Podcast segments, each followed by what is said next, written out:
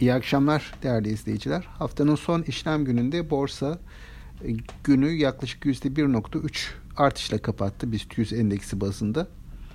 E, böylece haftalık kapanışta yaklaşık %1.7 artışla gerçekleşti. Yine aynı şekilde haftanın en yüksek kapanış seviyesine de ulaşmış oldu borsa. E, bugünkü yükselişte TL'nin gün içerisinde değer kazanması ve sonrasında gün içerisinde gelecek haftaya ilişkin olarak yeni doğal gaz rezervleri açıklanacağı haberleri etkili oldu. E, TL'nin güçlenmesi özellikle bankacılık hisseleri tarafında bir toparlanmaya yol açtı. Yine aynı şekilde doğal gaz rezervleri ile ilgili haberlerin sosyal medyada yer alması da petrol ve petrokimya şirketlerine olumlu yansıdı.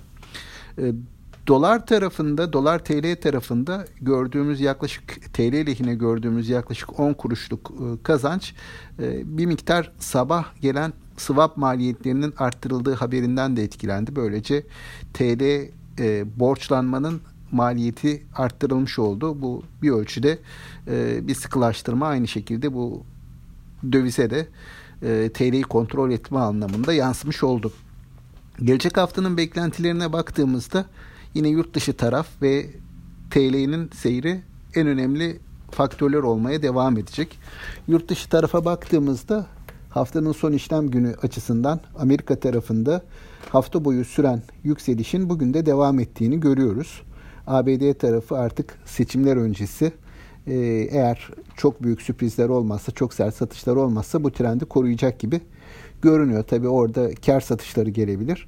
Ancak malum bilanço dönemindeyiz ve bilanço döneminde olduğumuz için de beklentisi kuvvetli olan şirketlerde e, alımlar devam ediyor.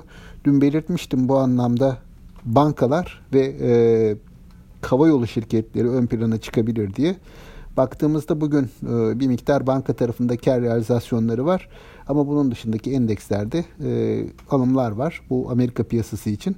Bizde ise e, banka tarafı bugün dediğim gibi kurdaki e, dengelenme olumlu bir seyir gösterdi. Eğer bu korunabilirse yine bizde de banka tarafında gelen haberler ve ay sonuna doğru açıklanacak e, bilanço rakamlarıyla yükseliş devam edebilir diye düşünüyorum. E, iyi bir yerde kapatıyoruz haftayı. E, böylece gelecek hafta içinde daha olumlu beklentilerin kuvvetleneceği bir e, tablo ortaya çıkıyor. Umarım gelecek haftada e, bu olumlu beklentiler bizi yukarı yönlü götürmeye devam eder. E, tüm yatırımcılara bu haftanın ardından iyi hafta sonları diliyorum. Sağlıklı, bol bereketli kazançlar diliyorum. Hoşçakalın.